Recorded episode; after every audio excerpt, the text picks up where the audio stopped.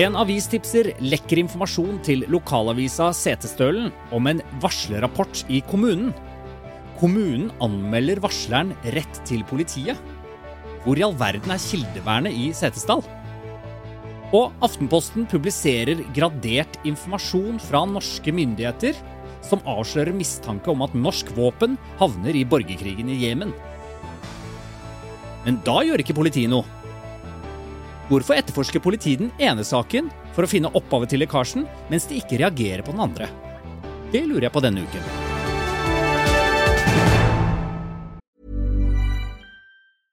Hiring for your small business? If you're not looking for professionals on LinkedIn, you're looking in the wrong place. That's like looking for your car keys in a fish tank. LinkedIn helps you hire professionals you can't find anywhere else, even those who aren't actively searching for a new job but might be open to the perfect role. In a given month, over 70% of LinkedIn users don't even visit other leading job sites. So start looking in the right place. With LinkedIn, you can hire professionals like a professional. Post your free job on linkedin.com slash people today. Mother's Day is around the corner. Find the perfect gift for the mom in your life with a stunning piece of jewelry from Blue Nile. From timeless pearls to dazzling gemstones, Blue Nile has something she'll adore. Need it fast? Most items can ship overnight. Plus, enjoy guaranteed free shipping and returns. Don't miss our special Mother's Day deals. Save big on the season's most beautiful trends. For a limited time, get up to 50% off by going to BlueNile.com. That's BlueNile.com.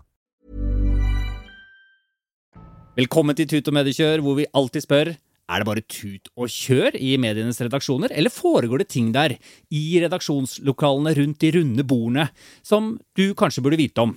Og for å få vite om dette, så har jeg selvfølgelig alltid med meg Eva Sandum. Hei, Eva. Hei, hei.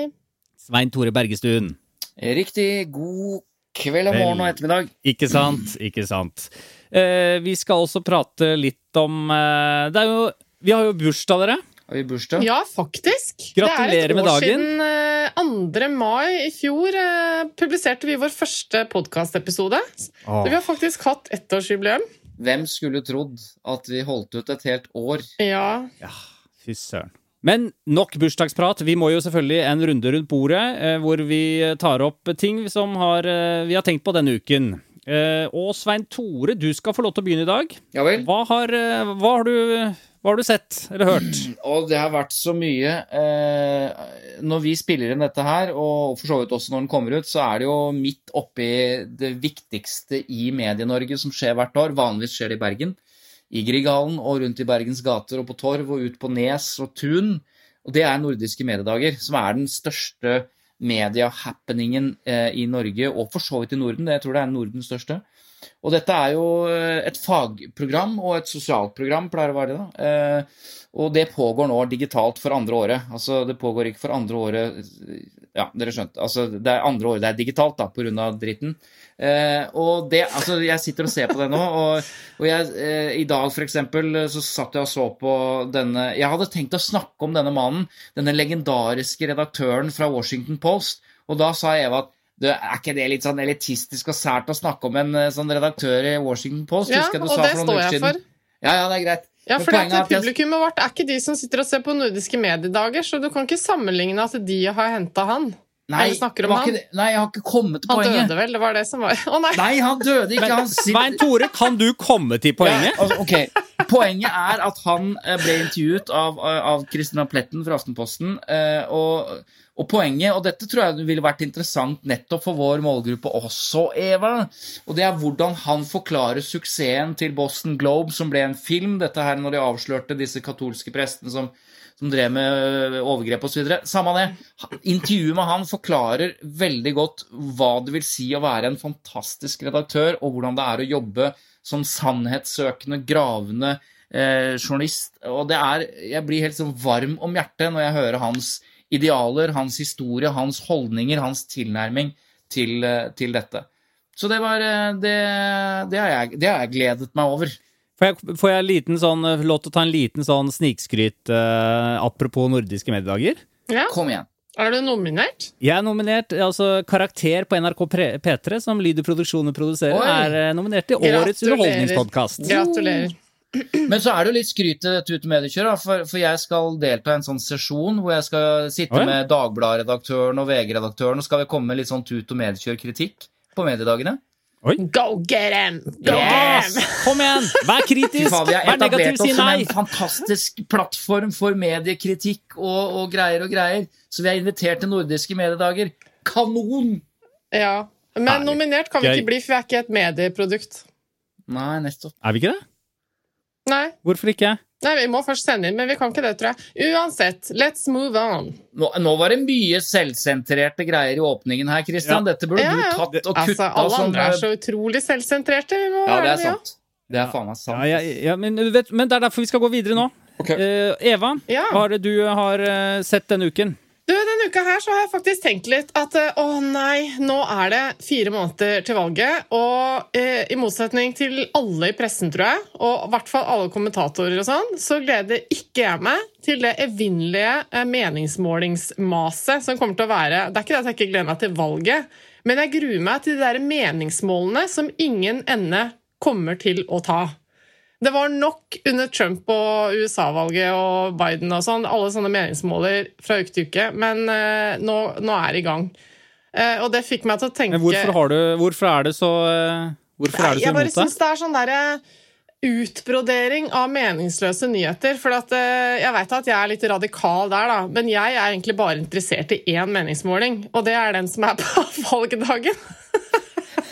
Ja, Eva er som en, sånn der, som en unge eh, på julaften som Ja. ikke har lyst til å vite noen ting om hva som skjer. Hun vil ha en kjempestor Ja. overraskelse. Hun vil, eh, Ja. Rødt ble det største partiet på valgdagen. Ja, ikke sant? Yay! Jeg har ikke, har ikke sett den komme. Og så skjønner jeg at uh, litt journalistikk på hvordan ting ligger an, er nødvendig. Jeg er ikke helt uh, blåst, liksom. Men uh, det, det gapet mellom litt og det som er realiteten, det syns jeg er for stort, da. Ja. Eh, og denne uka her så var det liksom eh, eh, Høyre var største parti hos TV 2 eh, på deres måling eh, på nyhetene, og Arbeiderpartiet var største parti hos NRK.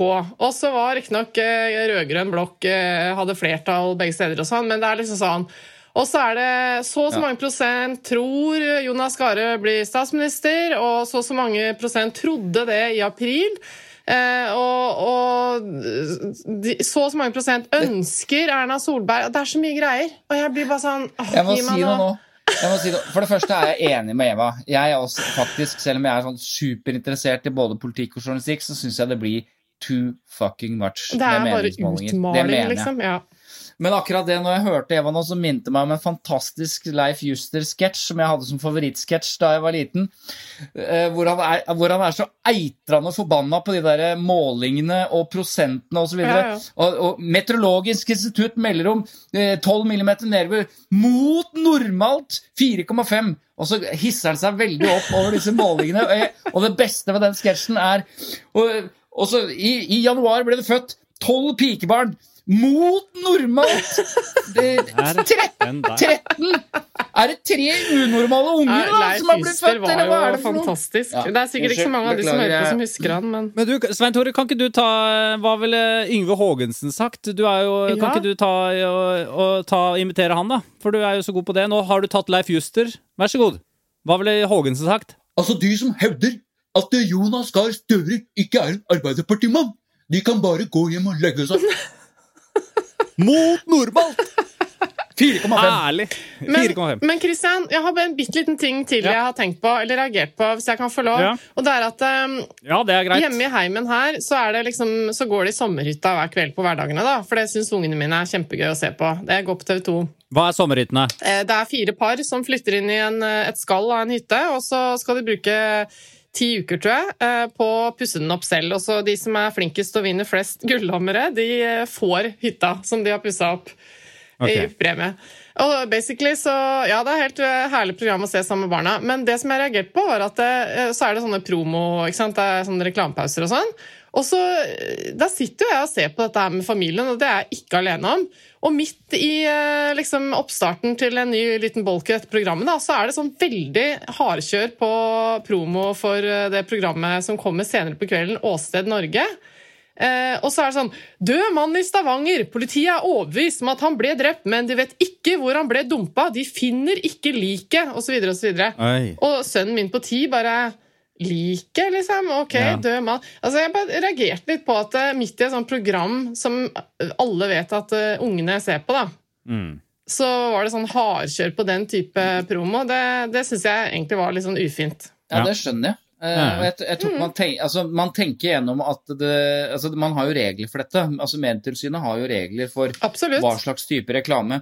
Men akkurat dette ligger kanskje litt i grenseland, antageligvis. da. Ja.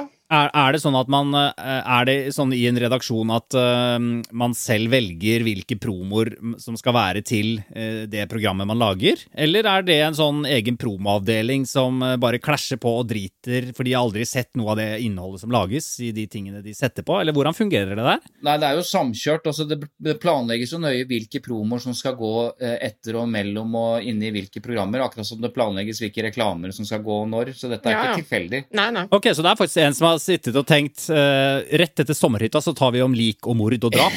ja, det er faktisk noen som har tenkt Ja, men det, det, Ok, men da er det jo helt greit! Det som kan ha skjedd, da, bare sånn, er jo at eh, de, noen setter jo opp skjemaene, ikke sant? for det er sånn konkurranse internt i en eh, kanal hvem som skal få promoer og på hvilke tidspunkter og sånn. Altså, alle som lager et program, har jo lyst til å få promo i beste sendetid på NRK eller TV 2.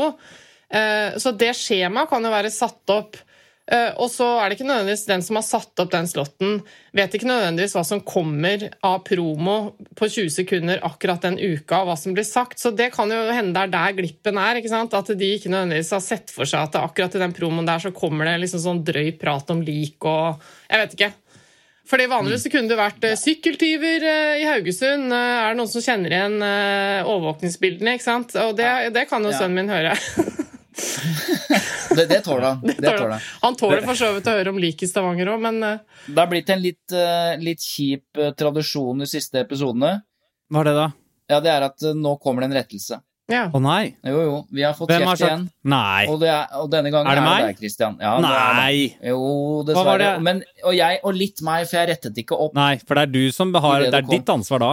Ja, det er mitt det er, er, jeg, er redaktørgjerningen Ok, på få høre. programmet. Hva Jo, nei, altså Vi snakket om Lotepus, og Eva visste liksom ikke helt hvem denne Lotepus og i hvert fall ikke hvor han kom fra. Eh, og da sa jo du ganske riktig at eh, han har jo vært med i et sånt program. Eh, og så sa du på maks. Ja. Ja, og det er så feil som det får blitt det, da, vet du. Å, for disse. TV-kanalene konkurrerer jo. Altså, Lote er jo da kjent fra det fantastiske programmet Fjorden Cowboys, Ja, ja, som går på TV2, eller gikk på TV2 og TV2 Sebra. Så det er jo konkurrenten, da. ikke sant? Sånn at da fikk vi ja, ja. høre det. Så det, da er det rettet Ja. opp. Gre greit, da skal jeg gjøre det godt igjen med å hylle Dagbladet. Eh, fordi ja, vi, har, vi har jo ofte Oi, den var ny. Ja, fordi vi har jo ofte liksom eh, slengt dritt om overskriften til Dagbladet, men uh, akkurat Det har vi slettes ikke gjort. Vi har Nei. ikke slengt dritt om noen Jo, ting. Vi har drevet konstruktiv Ja, mediekritikk. Ja, ja, Ja, selvfølgelig. Beklager. Unnskyld. Ja, ja. Bra. Nå, kan du, nå kan du hylle. Ja, Ja, ja, det er det, er, det er bra du kjører deg inn til mediedagene, hører jeg. Veldig fint. Uh, du, det var egentlig bare For jeg syns det er gøy å se når folk har det morsomt på jobb. Og eh, en overskrift i Dagbladet var eh, rett og slett eh, da Det var en alkoholfabrikk i Iran som, som brant. Og da var overskriften Oi, fins det? 'Full fyr i alkoholfabrikk'. Tok du den? Var det Nei? Full, Nei. full fyr. Altså oh, ja. I alkoholfabrikk. Full mann, liksom.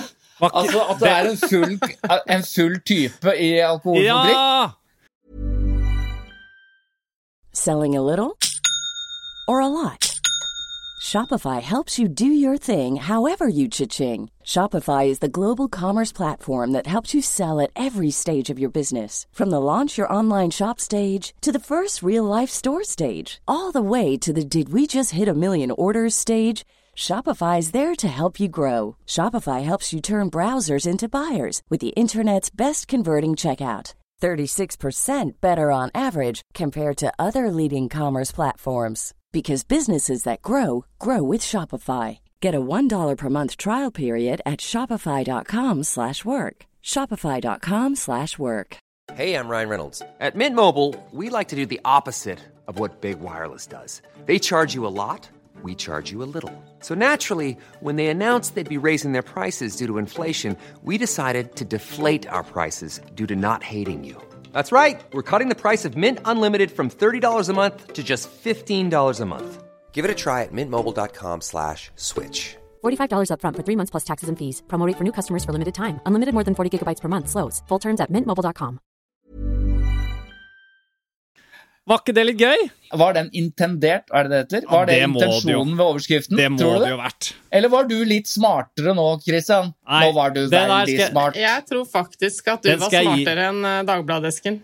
Nei, Jeg skal nei. høre med redaktøren, jeg. Den, den, jeg, jeg, jeg har i hvert fall lyst til å gi den til eh, desken. Det var veldig morsomt. Ja, det, altså, det tok jo litt tid. Mm. Vi er jo ikke så smarte, Eva og jeg, så det tok litt tid før vi tok den. Og det er derfor jeg mener at når vi må tenke gjennom i tre-fire sekunder før vi skjønner en Dagbladet-overskrift, da høres det ut som er litt for intelligent for Dagbladet. Okay, Men okay, okay. Vi, vi lar tvilen komme tiltalte til gode. Ja, greit, greit. Dere, vi, skal ta, vi går til Sånn skal det hovedsaken. sånn Vi går til hovedsaken, eh, og det skal nemlig handle om kildevern. Og eh, la oss ta denne saken først. Nei, vet du hva? Først. Kan vi ikke bare ta en liten sånn skikkelig sånn eh, kildevern for dummies? Eva, da kommer du inn. 14 år i, eh, Gjør det, ja? i, i Pressens faglige utvalg. Kan ikke du bare fortelle litt, hva er kildevern? Vet du hva? Det gidder jeg ikke, Christian. Uh, for at eh, jeg, har, uh, jeg har nemlig ringt Det har du gjort i 14 år! som ja, Hva, hva sa du, Eva? Du gidder ikke Jeg har nemlig det- ringt en som kan gjøre det enda bedre enn meg. Okay. du har tatt Christian-trikset. Ja. Jeg har nå ringt noen. Ja, ja. Ja. ok. Få Ja. høre. Jeg har ringt en venn, og det er Kristine Foss, eh, som er jurist i Presseforbundet. Eh, Akkurat nå så er hun faktisk i permisjon, for hun jobber for Ytringsfrihetskommisjonen. Men, eh, men jeg ringte henne, for at hun kan sikkert si eh, dette med veldig presise ord, tenkte jeg. Så la oss høre hva Kristine Foss, eh, hvordan hun forklarer prinsippet med kildevern. Eh, Først og fremst er det viktig å holde fast ved at kildevernet det er til for samfunnet. Det er for at samfunnet skal få tilgang til mest mulig informasjon. Og fordi vi ønsker det, så har vi også eh, en veldig sterk beskyttelse av de som kommer med den informasjonen. Det betyr at når noen går til mediene med viktige opplysninger, så eh, skal eh, de få lov til å være anonyme. Og det er viktig, for ellers kommer jo ikke folk til å tørre å gå videre til mediene. Og det er også sånn vi får samfunnet får vite om viktige saker. Rettslig sett så følger jo dette både av ytrings... Eller først og fremst av ytringsfriheten. Det er en helt nødvendig forutsetning for ytringsfriheten at vi får tilgang til informasjon. Og da er vi nødt til å ha et sterkt kildevern. Og så er det også enkeltregler i straffeprosessloven som, eh, som sier at bl.a. journalister ikke har eh, vitneplikt når det kommer til kilder. Ja, det var prinsippet. Mm. Jeg kunne kanskje klart å si det, jeg òg, altså, men, Ja, jeg men nå ble det Kristine Foss, da. Jeg syns hun var kjempeflink. Jeg syns du også er flink, Svein Tore. Ja. Ja, tusen okay. takk. Og dette kildevernet står jo også om i Vær varsom-plakaten. ikke sant? Og det å gjøre kilder oppmerksom på at de har et vern, det er jo det er viktig. Mm. Mm. Og det er noe vi har hatt eh, oppe til diskusjon mange ganger, nettopp fordi at eh, sant, det er jo en forutsetning for at pressen skal gjøre en god jobb, er at de har tilgang på informasjon, som hun sa. Eh, Og så har vi også snakket om at det, det, det kan være litt sånn rørete, det greiene der. Fordi eh, noen ganger så kan man kanskje som eh, mediekonsument, da, eller som publikum, få litt sånn følelsen at det roter seg litt inn i sånn eh, lekkasjer eh, fra la oss si politiet, da, fra avhør og sånn, det er det som har gjort at jeg har liksom måttet stoppe opp og tenke meg om noen ganger. For eh, jeg syns det stopper der hvor, liksom, hvor ting eh, blir publisert av pressen eh, når de får tilgang til lekket informasjon fra politiavhør, f.eks. Skjønner dere? Selv om det roter til uh, greia litt nå, da. Men, uh, men prinsippet hos pressen, og det tror jeg vi skal liksom snakke oss litt gjennom nå, for vi har, vi har et par saker som har skjedd uh, den Ja, la oss ta tiden. den ene saken nå. Prinsippet hos pressen er jo at eh, alt de får tilgang til, eh, har de lov å publisere på et vis, da. Og det kan jo hende at folk syns det er litt rart noen ganger. Og det Ja, la oss Ja. ta sakene. Fordi Nylig så publiserte jo da Aftenposten en sak hvor det da kom frem at norske myndigheter mistenkte at norske våpen ble brukt i borgerkrigen i Jemen. Og det som en følge av at uh, det var våpeneksport fra Norge til De arabiske emirater. Likevel så innvilget Utenriksdepartementet eksportlisenser for salg av disse gjenstandene. Bare, bare så vi ikke må rette i neste episode. Altså, Mm. vi, vi eksporterer heller ikke våpen til Det arabiske emirater, men, men eh, det som heter B. Eh, Jeg håper å si B-vare, men det, det handler om det som også kalles krigsutstyr. Men det er ikke våpen og ammunisjon, bare så vi er klar over det.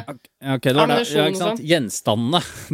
det var det. det men po poenget er at de mistenkte uh, dette, og dette har jo blitt undersøkt bl.a. av, av, eh, av um, eh, Riksrevisjonen, ja. ja. Ja. Ok, det var i hvert fall Dagbladet fått eh, Nei, Aftenposten har fått tak i det, da. Ja, ikke sant? Og, og dette, var jo de, dette var jo informasjon som departementet har hemmelighetsstemplet, med begrunnelsen i at uh, Norges nasjonale sikkerhetsinteresse kunne trues.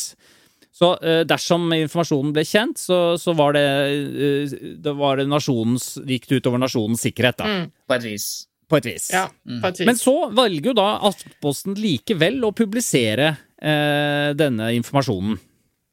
Ja. Og, På tross av innstillingen fra departementet Ja. og så videre. Og det er det som liksom man kan lure på om er greit, da, siden det er gradert av myndighetene. Så tenker man jo kanskje at er det ikke en grunn til det? ikke Ja.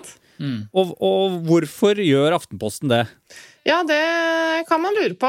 Eh, Så det, det syns jeg de må få svare på selv, da. Og det har de også måttet gjøre denne uka her. Det har vært litt ramaskrik, og nyhetsredaktøren i Aftenposten har vært på Dagsnytt 18 og, og til og med skrevet eh, i Aftenposten om denne vurderingen, men jeg ringte henne, da. Og det er den legendariske, hvis man kan si det, siden vi har tulla litt med navnet hennes noen ganger. Eh, Fordi det er så flott og langt. Tone Tveøy Strøm Gundersen eh, er da nyhetsredaktør i eh, Aftenposten. Og la oss høre hvordan hun forklarer vurderingen som Aftenposten gjorde når de valgte å publisere dette. I dette tilfellet så publiserte jo Aftenposten informasjon om norsk våpeneksport til De forente arabiske emirater. Og de opplysningene baserer seg på et vedlegg eh, som er laget til Riksrevisjonens rapport om norsk våpeneksport. Og den informasjonen eh, i rapporten den behandler vi jo egentlig på lik linje med alt annet kildemateriale vi får i huset. Og det betyr at vi må vurdere informasjonen som står der, har den stor offentlig interesse. Eh, Og vi må vurdere og kontrollere de opplysningene som kommer frem, og være kildekritiske til dette dokumentet, akkurat som vi er til alle andre kilder vi, vi diskuterer eh, og snakker om eller får i hus. Og så har vurderingen vår vært at eh, innholdet i dette vedlegget er av stor offentlig interesse. Og det baserer seg først og fremst på at, at det har vært kjent at det har vært kritikk mot våpeneksporten til Emiratene. Det som ikke har vært kjent, er jo UDs vurderinger knyttet til den bekymringen og, og kritikken. Og Det kommer i større grad frem her. og Det er jo det vi prøver å ta opp, og det vi mener at har stor offentlig interesse for å få en diskusjon om våpeneksport. Du sier gradert informasjon. Har ikke dere som har vist et ansvar da, når det er gradert? Er det ikke en grunn til det? Altså, øhm, jo, Sett fra myndighetenes side så er det åpenbart en grunn til å gradere eh, et dokument. Eh, vi, men det vi må huske på er at vi har veldig forskjellige roller. Altså, Myndighetene har jo som utgangspunkt at de da graderer det de mener kan true Norges nasjonale sikkerhetsinteresser. Og når de graderer etter sikkerhetsloven, så er jo det et ansvar eh, som ligger hos dem å gjøre. Aftenposten er ikke omfattet av sikkerhetsloven. Så når vi får et dokument så, så, eller en rapport, så er jo vår vurdering eh, å gjøre, eh, altså at vi må gjøre en vurdering av innholdet her. Har det stor offentlig interesse? Eh, hvilke presseetiske avveininger må vi gjøre? Og ut fra det gjøre en vurdering av om det skal publiseres eller ikke. Men det er der ansvaret vårt ligger. Og det er jo også sånn da en fri og uavhengig presse virker. Vi er jo ikke omfattet av den samme type lover som f.eks. sikkerhetslover, som, som Utenriksdepartementet er omfattet av. Og dette dokumentet er omfattet av. Jeg tror eh, det som man må liksom se for seg for å forstå det Tone sier, da, det er at eh, i Norge så har vi jo generelt veldig høy tillit til myndigheter, til, eh, til, eh, til pressen også, for så vidt. Eh, sånn at eh, Mitt instinkt er jo at eh, hvis myndighetene har bestemt at noe er gradert, så er det kanskje en grunn til det. Men vi må også se for oss hvor viktig det er i, i land hvor det ikke er den type demokrati som det er her, og hvor lett det er for myndigheter i enkelte land å bare bestemme seg for å hemmeligholde ditt og datt. Og hvis de da ikke har en presse som har muligheten til å ettergå ting og sant, få tak i informasjon for å eventuelt avsløre liksom, overgrep fra myndighetene osv., så, så så ville jo det vært en katastrofe for demokratiet. da. Så jeg tror liksom det er litt sånn i det perspektivet vi må, vi må vurdere det, eh, når hun forklarer at det, selv om det er gradert, så, så, så er ikke pressen omfattet av det. Eh, fordi Hun understreker jo det at eh, sikkerhetsloven den er ikke pressen eller journalister omfattet av. Og det er litt sånn komplisert, men sånn er det. Ja, for, Fordi at det er da Det er ulovlig. Eh, De som har lekket dette, har ikke lov til det. Men de som har mottatt det, eh, de har lov til å gjøre hva de vil med det. Det blir som at det, liksom, det, er, det er lov å eh, kjøpe, men ikke selge narkotika. Er det det? På en måte.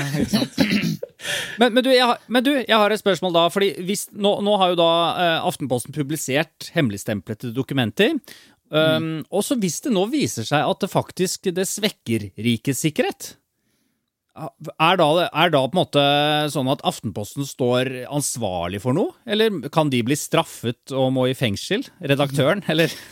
Nei, det er, det er i så fall et helt, nesten helt umulig tilfelle å tenke seg. Men det er nettopp dette de må vurdere. da. For når de, når, altså de publiserer jo ikke gradert informasjon uten å tenke seg om. Da tenker de på hva slags type konsekvenser vil denne, denne, disse opplysningene få. I dette tilfellet så vil jo på en måte eh, The heat is on the government. Altså, det som eh, blir kjent her, går jo på sett og vis ut over eh, myndighetene, og ikke f.eks. utover enkeltpersoner. Altså, Det er ingen enkeltpersoner man kan se for seg her som kommer i en, en akutt fare i utlandet som følge av at dette lekker. Men i andre, eh, altså Wikileaks-dokumenter, eh, altså all denne lekkasjen fra amerikanske sikkerhetsdokumenter osv., der eh, påstår myndighetene at lekkasjen i seg selv satt mennesker i livsfare. Og hvis det er tilfellet, så må, måtte jo Aftenposten vurdere liksom, offentlig interesse opp mot hensynet til mennesker som kan bli drept som følge av disse opplysningene. Og da vil ikke Aftenposten mest sannsynlig ha publisert dette. Så de gjør jo en, eh, en, en, en presseetisk vurdering, men de gjør altså ikke en eh, vurdering ut fra hva som er lov eller ikke, eh, opp mot sikkerhetsloven, som Eva sier. Nei. Opp mot hele Vær varsom-plakaten. Ja. Så det er riktig, og det sa jo eh, Tone også, ikke sant? at eh, de må jo vurdere. Det er ikke sånn at de bare får tilgang på noe som er hemmelig, og så bare kjører de rett ut på eteren, Men, liksom. men det Det det utenriksministeren er dokumenter her, vi tar Men det utenriksministeren er eh, sikkert forbanna over, det er jo at på et eller annet vis er det noen som har lekket eh, eller, altså, Vi vet ikke hvordan Aftenposten har fått ta, tak i disse dokumentene, men hvis det er noen som har lekket gradert informasjon, så har de brutt loven. Men legg merke til at det er ingen som varsler nå at Det er ingen som har meldt dette til politiet, ikke sant? sånn som du Nei. spurte om i starten, Christian. Det er ingen som har Ja. anmeldt selve lekkasjen til politiet. Eh, og det er ikke det er, liksom, det er sedvane at man ikke går eh, eh, prøver å finne ut av eh, og etterforske hvem som er kilden til aviser, for det er i seg selv med på å utfordre kildevernet. Ja, men så skal det sies da at i starten av 2017 så publiserte DN eh, eh, noen artikler i et par anledninger som også var gradert informasjon. For vi må huske på at eh, det at de får tak i gradert informasjon, det er ikke det samme som alle andre lekkasjer vi stadig vekk hører om. Det er liksom lekkasjer fra statsbudsjettet osv., ting som kommer til å komme ut senere. Det er Eller noe varslingssaker, Det er eller måte- saker som foregår i bedrifter eller selskaper. Eller... Ikke sant? Men dette er gradert informasjon. Det er eh, litt mindre vanlig, da. Eh, understreket tone for meg. Eh, og eh, når det gjaldt den saken i DN, så, så var det noen eh, gradert informasjon, noen dokumenter, som, fra en rapport eh, fra Riksrevisjonen, det, det også, som viser hvordan politiet og Forsvaret svikta i å beskytte bygninger og infrastruktur og samfunnskritisk virksomhet mot terror osv. Eh, eh, og da ble faktisk eh, forholdet anmeldt. Forsvarsdepartementet de ba PST om å etterforske lekkasjen. Og eh, om mulig finne ut av hvem som sto bak. Så hvis man sammenligner det med den saken som har skjedd denne uken her, så, så kunne man se for seg at noen uh, anmeldte det. Men det er ikke nødvendigvis for å liksom gå etter Aftenposten. Det er i utgangspunktet da for å prøve å finne ut hvor lekkasjen kommer Ja, fra. Altså det er hvem som har solgt narkotika, ikke hvem Jo, som har kjøpt. Men det er jo å gå mot Aftenpostens kilder, da. ikke sant? Så det er det som er Hver gang uh, Ja, det dette det. skjer, at man anmelder eh, kilder Eller vi må jo anta at eh, Utenriksdepartementet og Riksrevisjonen, eller hvem det er som har lekket dette, at de går opp noen rutiner og prøver å, om ikke finne ut eh, liksom syndebukken, så i hvert fall liksom, De gjør jo noe for at dette ikke skal skje eh, også fremover. Men det, det utfordrer kildevernet hvis det blir en jakt på Ja. kilder. Det er det. Men, så jeg tror at det, i, i- teoretisk sett, da, det som da måtte skje hvis PST skulle ta den anmeldelsen på alvor, så ville det være at de måtte gå til etterforskningsskritt som ikke handlet om å gå inn i en redaksjonslokale for å få tilgang på, på kommunikasjon med kilder og sånn. Da må de finne andre måter mm. å prøve å finne frem til kilden. Eh, og det er sikkert mye mer arbeidskrevende. Så jeg tror i teorien eh, det er det de måtte gjort. fordi hvis ikke så ville det utfordre kildevernet, som vi setter veldig høyt i, i Norge. da. Eh, og PST skrev i henleggelsen av den saken at de hadde vurdert da, etter en samla vurdering at de, de, fant muligheten for å oppklare forholdet som veldig begrensa, og det ville for, kreve for store ressurser å, å, gå inn i en sånn etterforskning. Og det har jo sikkert med at de kan bare ikke trappe opp hos DN. Det er jo det. Det er vanskelig. Det er kjempevanskelig. Mm. Men vet vi hvordan Aftenposten får tak i sånne dokumenter? Ja, det er et godt spørsmål. Det er jeg skikkelig nysgjerrig på. Altså. Fordi eh, man lurer jo på det veldig ofte, hvem som er kilder til ulike lekkasjer og sånn. Eh, men eh, jeg tok motet til meg og spurte Tone om det òg, jeg. Evas, du er skikkelig modig i dag. Det er veldig bra. I håp om at uh, nyhetsredaktøren i Aftenposten skulle bryte kildevernet overfor Tut og Mediekjør. Ja. ja. Jeg visste selvfølgelig det, men la oss høre hva hun svarte. Okay. Jeg er klar til å anmelde. Det er, hører jo til eh, de delene av, av eh, journalistikken jeg ikke ønsker å si noe om. Eh, jeg deler mer enn gjerne hvilke vurderinger vi gjør. Jeg snakker gjerne om de journalistiske vurderingene, om de presseetiske vurderingene. Men når det gjelder researchfasen, altså alt som foregår fra, fra vi eh, begynner research til vi publiserer, tenker jeg at jeg skal være veldig nøye med å ikke si noe om. Og jeg kan godt forklare litt om hovedårsaken til det. Og det er at kildevernet er så absolutt. Aftenposten verner om kildene sine, og kilder som går til Aftenposten eller snakker med Aftenposten, skal være så trygge som mulig på at de har et absolutt vern.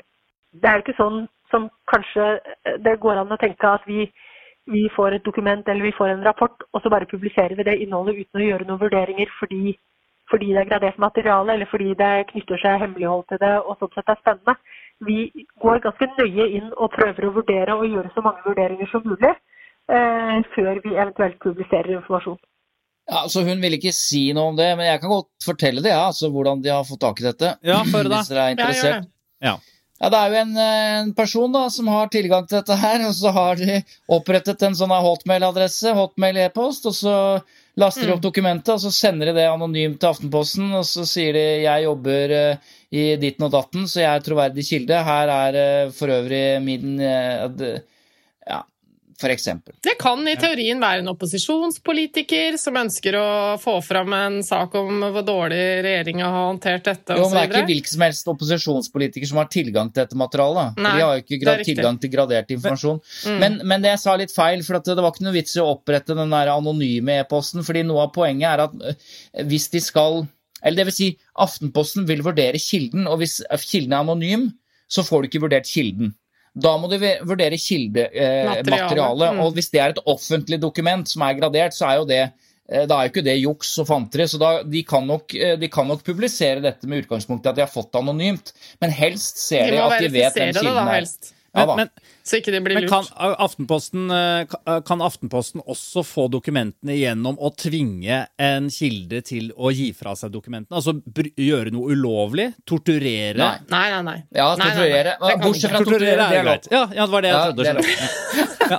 Men det er jo en annen eh, hypotese, da. Og det er at eh, noen har møttes eh, på en benk i en park eh, etter at mørket har lagt seg, sånn som vi ser på amerikanske filmer. Absolutt. Og så har de hansker på, og så overleveres det en sånn konvolutt.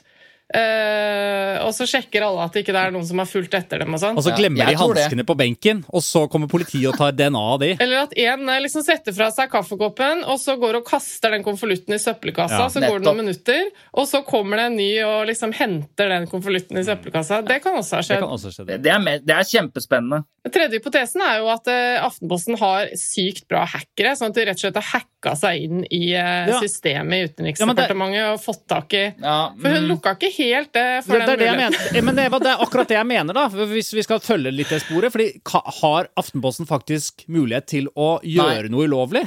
For å få de kan, kilder? De kan, velge, de kan, velge, å bryte loven, sånn som du antyder nå, ved å hacke seg inn i noe. Da bryter loven.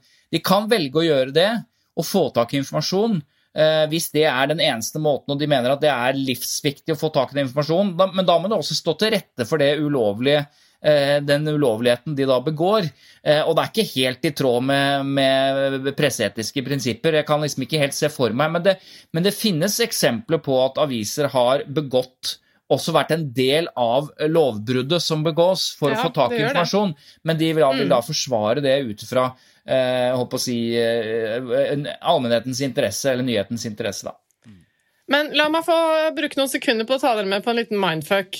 Hvis det, La oss si hypotetisk sett at de hadde en, eh, en hacker da, som var sykt god eh, i eh, mediehuset, som da fant denne rapporten, eh, og så ga den til redaksjonen, på en måte.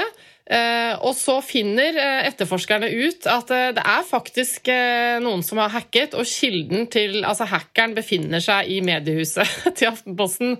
Vil da hackeren til Aftenposten få kildevern? Um, Og hva nei. med onkelen til hackeren?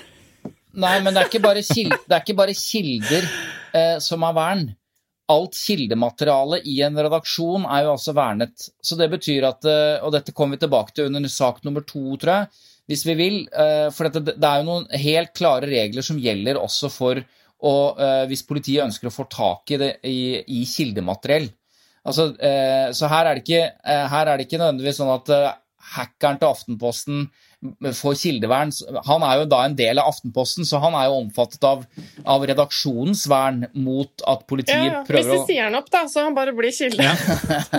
Ja, Ja, de du, vil la jo sette la- på Jeg prøver bare å være morsom Men her. du, altså, Ja, jeg skjønner, jeg, skjønner, jeg klarer ikke det.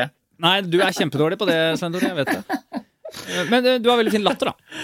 Eh, også, men du, la oss bare ta det nå, fordi mm, dere, dere snakker jo veldig ofte veldig sånn fint, og du sa jo litt tidligere, Eva, at uh, kildevernet står veldig sterkt i Norge. Eh, og de, men derfor syns jeg jo sak to nå, som vi skal snakke om, nemlig uh, i Setesdal, for der føler jeg jo ikke Der står jo virkelig ikke kildevernet særlig sterkt. Altså, det som uh, s- skjer der Jo da, Nei. det Det kan kan se sånn ut, bare. Ja, men hør, hør altså bare først, eh, kjære lytter, hør, hør hva som har skjedd der. Ok, Saken er jo da at Agder kommunerevisjon, IKS, de undersøkte varsler fra tre arbeidstakere på kom kommunedirektøren, etter at det da hadde blitt fremsatt anklager om trakassering. Og ikke bare trakassering, Og men også baksnakking og- hersketeknikk og brudd på etiske retningslinjer. Og så, eh, og, og for å ha det klart, da, kommunedirektøren har jo avvist disse beskyldningene. Og, og hun fikk også nylig medhold i rapporten til kommunerevisjonen. Og så er det jo sånn at Denne varslingsrapporten er jo da unntatt offentligheten. Og ble lagt frem for politikerne i eh, kommunestyret i Bykle, og det var bak lukkede dører.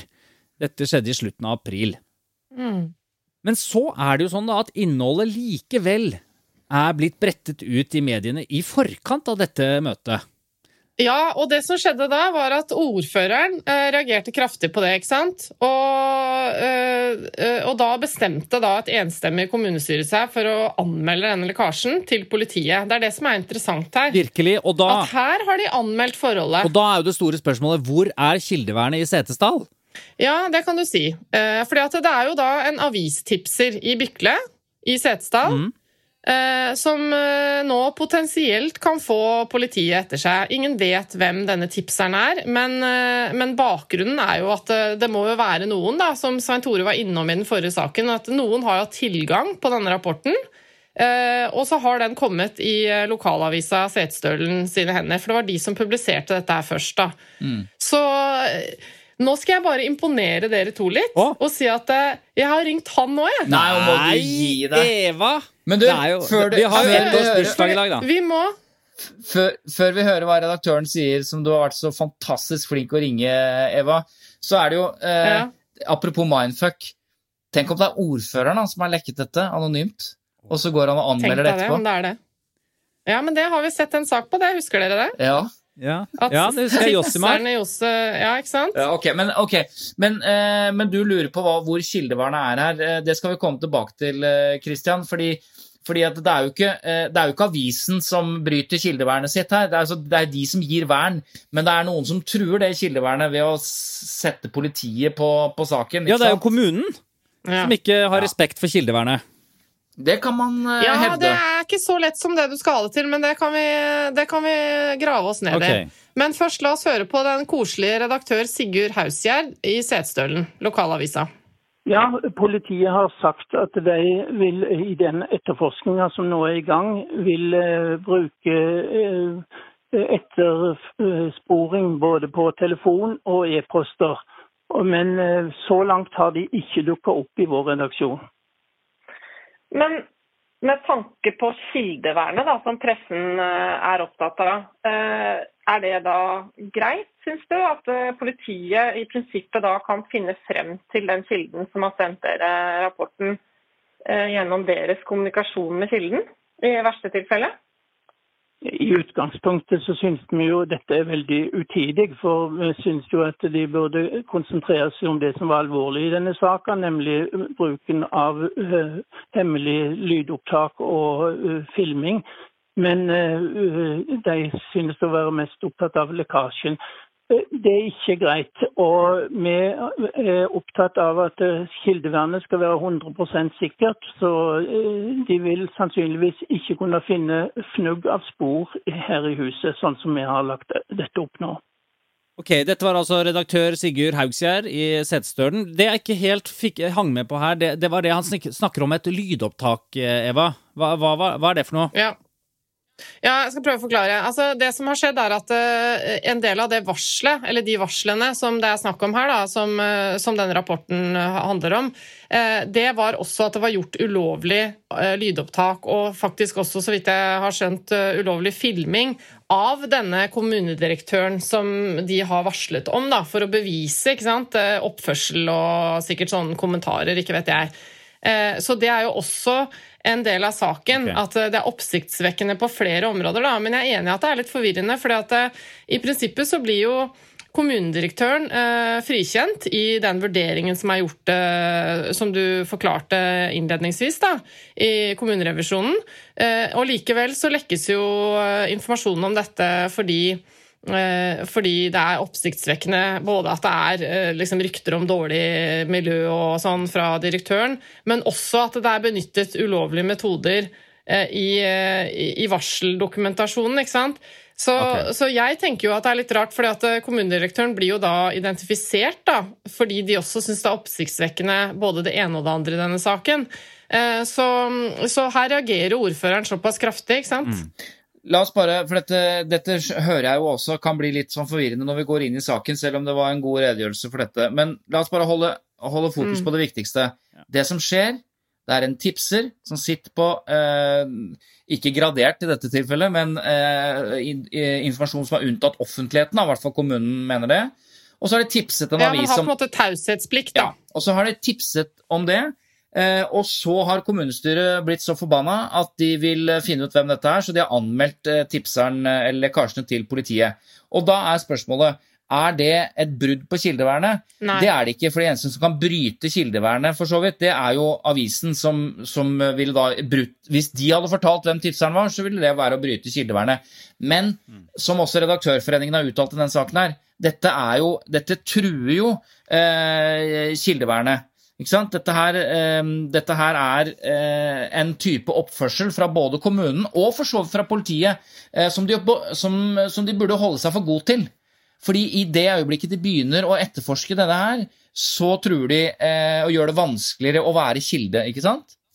Eh, så mm. det, det, er på en måte kritikken her, da. Det, men det er lov. I Norge så er det lov å etterforske lekkasjer eh, og etterforske avisens kilder.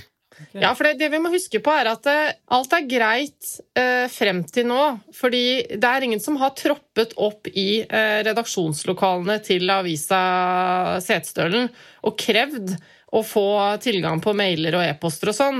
Det ville vært noe som hele norsk presse ville reagert på. Det har også Redaktørforeningen vært ute i denne saken og sagt at hvis det går, kommer dit, så, så er det liksom katastrofalt.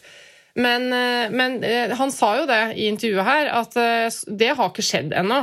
Så ingenting er liksom brutt ennå, da. Så får vi jo se. For det som er spesielt her, er at politiet har gitt uttrykk for at det kan være et etterforskningsskritt. Eh, eh, for det de egentlig må gjøre for ikke å blande inn dette med pressens kildevern, og sånn, det er å prøve å finne ut av denne lekkasjen via andre um, etterforskningsskritt. Ikke sant? For eksempel, uh, ikke vet jeg, prøve å finne liksom, hvem som har sendt den, og ikke hvem som har mottatt den i avisa. da. Ja, og så er det eh, Skjønner dere? Ja, og Mm, når, jeg, og når ja. jeg sa at dette her eh, at det, ikke er, eh, at det er lov å etterforske dette, eh, det er bare at eh, det, det burde ikke vært lov, da. Nei. Altså for å si det sånn, I Sverige for eksempel, så er det ikke lov. Å nei. Der er reglene i Norge og Sverige ulike. Ok.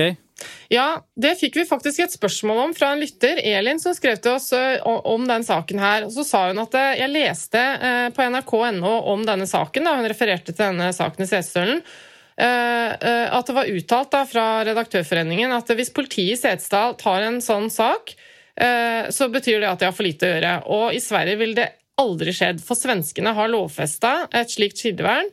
Dessverre har vi ikke det i Norge. Eh, og så spurte hun er, stemmer det liksom, er det et bedre kildevern i Sverige. Ja. Og det måtte jeg si, det måtte jeg innrømme at jeg ble litt, eh, litt usikker, så jeg har ringt noen her, og jeg. Nei, du har, du har ikke ringt en ny person nå.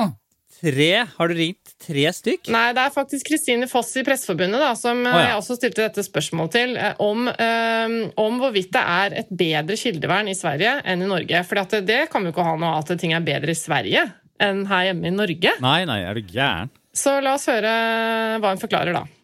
Ja, I Sverige så har jo kildene mye bedre beskyttelse.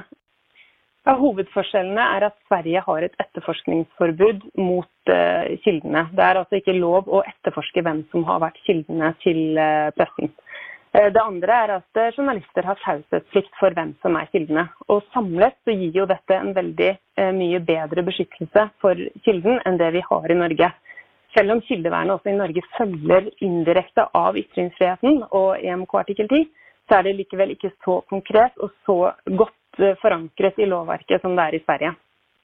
Så i Norge så kan politiet i prinsippet gå inn i en redaksjon og kreve tilgang på kommunikasjon fordi de jakter på kilden. Nei, eh, det kan de absolutt ikke i Norge heller. Eh, Det finnes et forbud mot å beslaglegge materiale i, eh, fra redaksjoner og journalister. Eh, Da må man ha en kjennelse fra retten hvis man skal gjøre det. Så der har man en eh, forholdsvis god garanti for at ikke politiet gjør det da, i Norge. Men hovedforskjellen er jo at man ikke man kan, altså Politiet kan igangsette en etterforskning. Det betyr at de kan selv forsøke å finne ut hvem denne kilden er. og Det er det som har skjedd i den ene saken her. Selv at man har selv iverksatt skritt for å finne ut eh, hvem det er som står bak lekkasjen. Og i Sverige så ville ikke det vært lov. Det er flere Det er ting som er, eh, som er Utrolig, bedre altså. i Sverige enn i Norge. Er det noen grunn til at ikke det, det er en sånn etterforskningslov i Norge? Eh, Er det bare fordi vi ikke har tenkt på det, eller er det en, en eh, mening med det?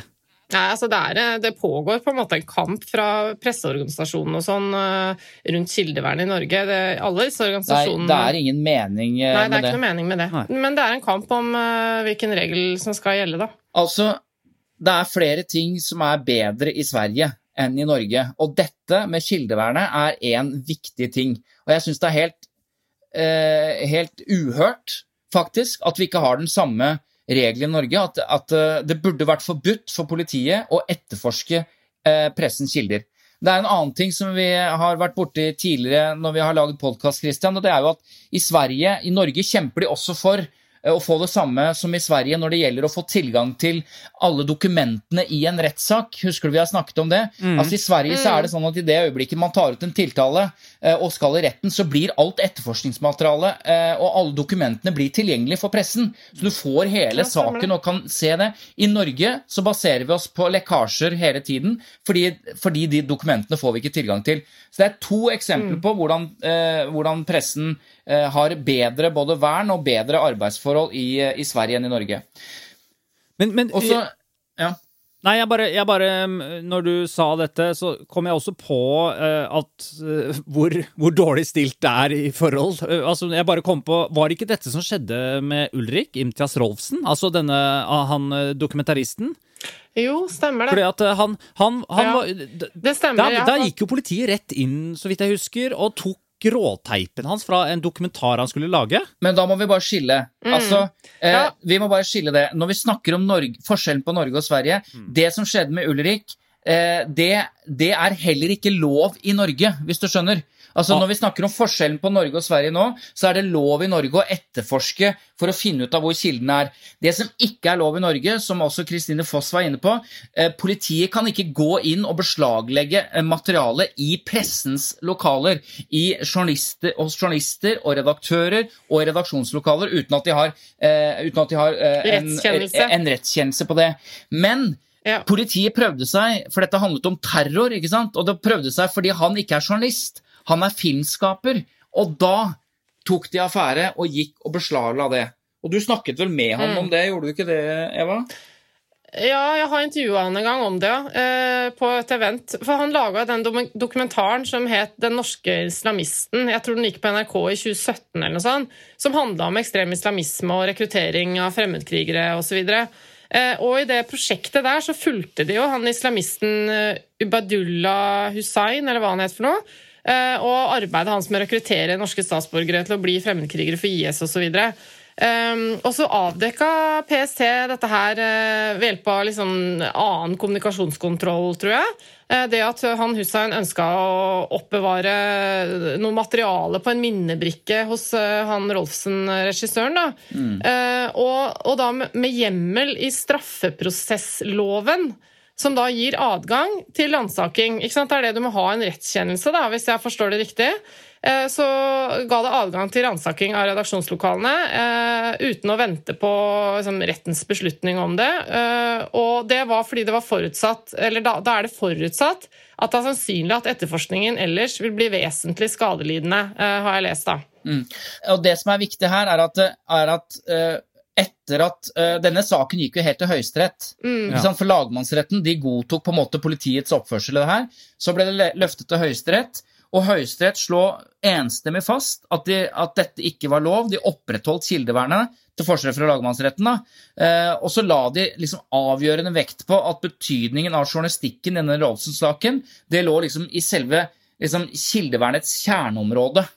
Sånn at eh, Høyesterett heldigvis eh, Og etter den kjennelsen i Høyesterett så gjelder det altså ikke bare eh, medievirksomhet, at man ikke kan gå inn i redaksjonslokaler osv. Det gjelder også for filmskapere som eh, produserer for mediene.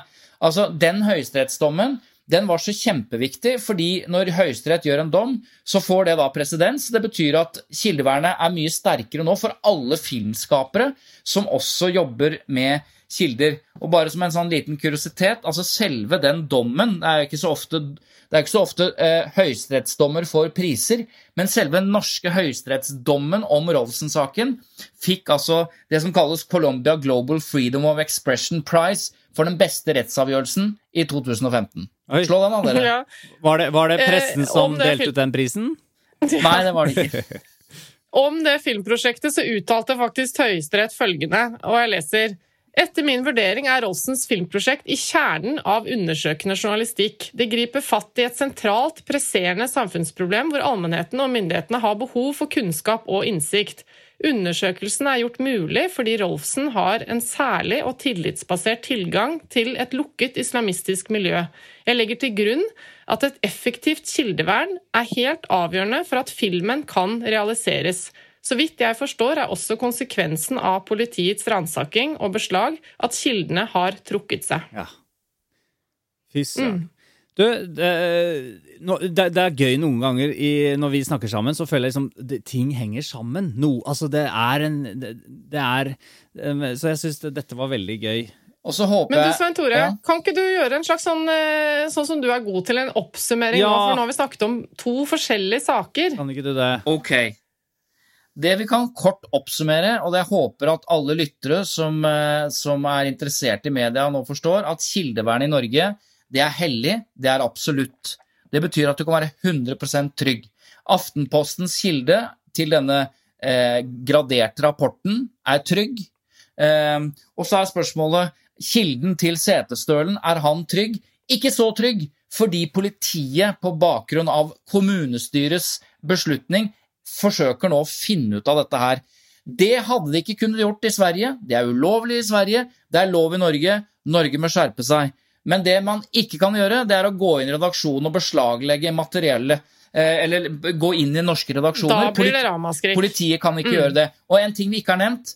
Eh, journalister og redaktører har også rett til å nekte å forklare seg om kilder til politiet. Ja. Det er først når de kommer i retten at, eh, at det blir en annen At, at, Mm. eh, at de må vurdere dette på nytt. da. Men politi, det er veldig stor forskjell altså på hva Ja. politiet kan gjøre, og hva en rett kan gjøre. Var det forståelig? Ja, for det, Bare for å sette et bilde på det. da. Ikke sant? Hvis du blir eh, innkalt til- til retten som journalist eller redaktør da, for å svare på noe angående en sånn sak, så må du møte i retten. Men i retten så kan du si at du nekter å forklare det. Der kan du også nekte Eh, å forklare På grunn av kildevernet. Ok. Dere, vi Ja. rekker et lytterspørsmål helt, helt til slutt, gjør vi ikke det? Ja, vi gjør Jo, kanskje det. la oss ta det kjapt. da. Jo, jeg tror det. Det er fra Gro. Ja. Hei, Gro. Hei, Gro. Da, da leser jeg 'Takk for en god og interessant podkast'.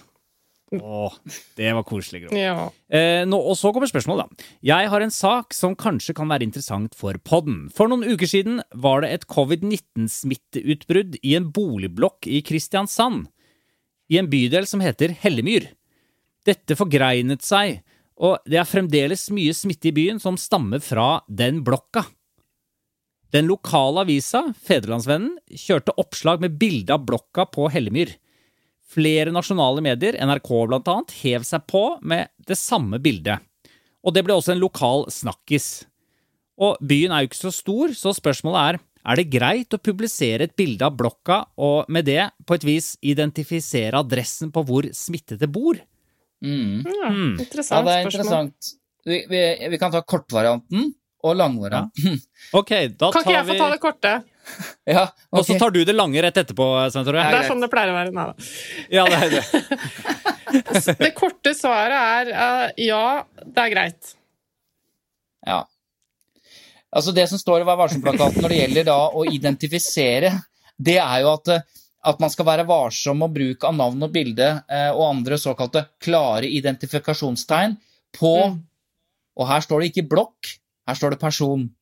Mm. Altså, Identifiseringen og varsomheten er knyttet til personer, ikke til grupper av mennesker eller blokker eller eh, boligområder osv. Så sånn at eh, nei, eh, selv om du kan føle deg stigmatisert som bor i den blokka som, eh, hvor det har vært mye smitte, så, eh, og, det, og det er jo ikke noe i veien for at, at pressen kan ta det hensynet. Det kan jo være en redaktør som sier at vet du hva, det er ikke noe vits i at vi viser den blokka, for da blir alle i den blokka der eh, Nettopp. sånn og sånn. Og la meg bare få bryte inn, ja, Svein Tore. ja. fordi at eh, Dersom de gjorde den vurderingen, så ville de fulgt eh, punktet eh, 4.1 i Vær varsom-plakaten, hvor det står 'legg vekt på saklighet og omtanke i innhold og presentasjon'. Det ville vært det punktet som eh, førte dem til refleksjonen om at Dersom vi eh, publiserer bilde av denne blokka, og vi vet at det f.eks. bare fins én type mennesker der som gjennom det vil bli unødvendig stigmatisert osv., så, videre, så kunne de gjort den vurderingen. Men eh, som Svein Tore sier, bildet i seg selv identifiserer ingen så eh, tydelig at det er brudd på varsom-plakaten på det punktet.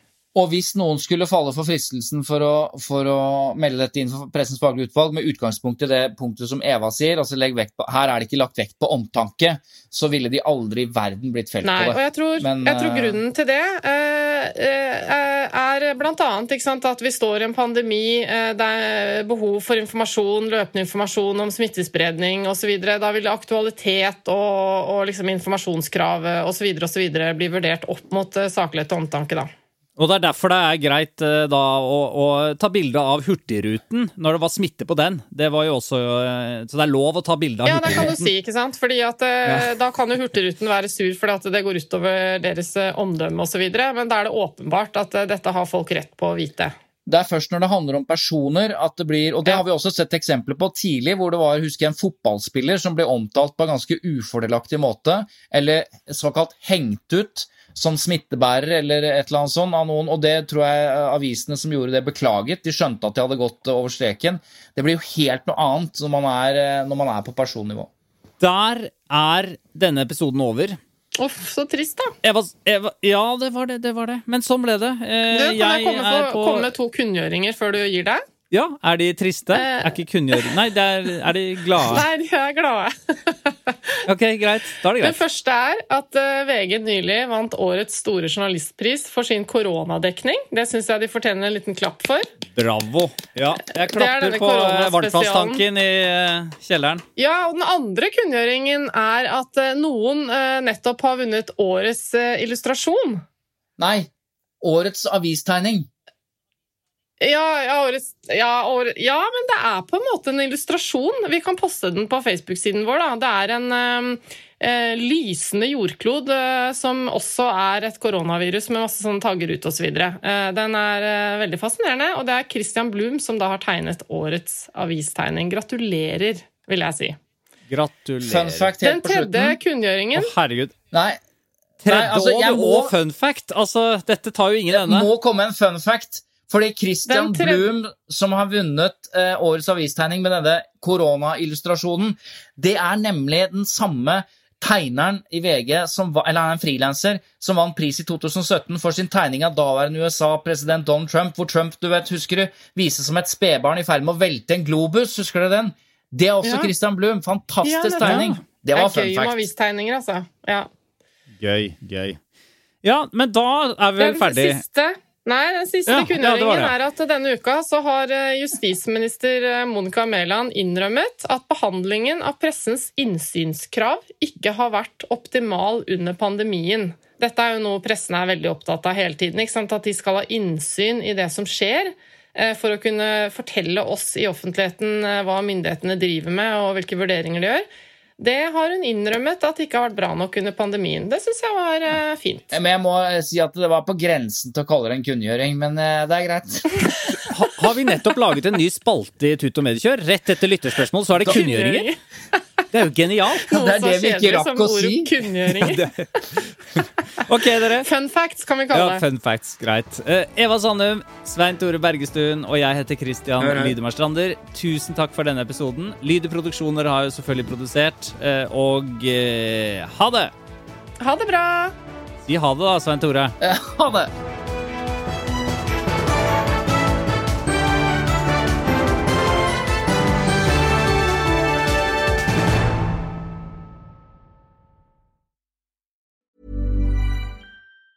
Even on a budget, quality is non-negotiable. That's why Quince is the place to score high-end essentials at 50 to 80% less than similar brands. Get your hands on buttery soft cashmere sweaters from just 60 bucks, Italian leather jackets, and so much more. And the best part about Quince, they exclusively partner with factories committed to safe, ethical, and responsible manufacturing. Elevate your style without the elevated price tag with Quince. Go to quince.com slash upgrade for free shipping and 365-day returns.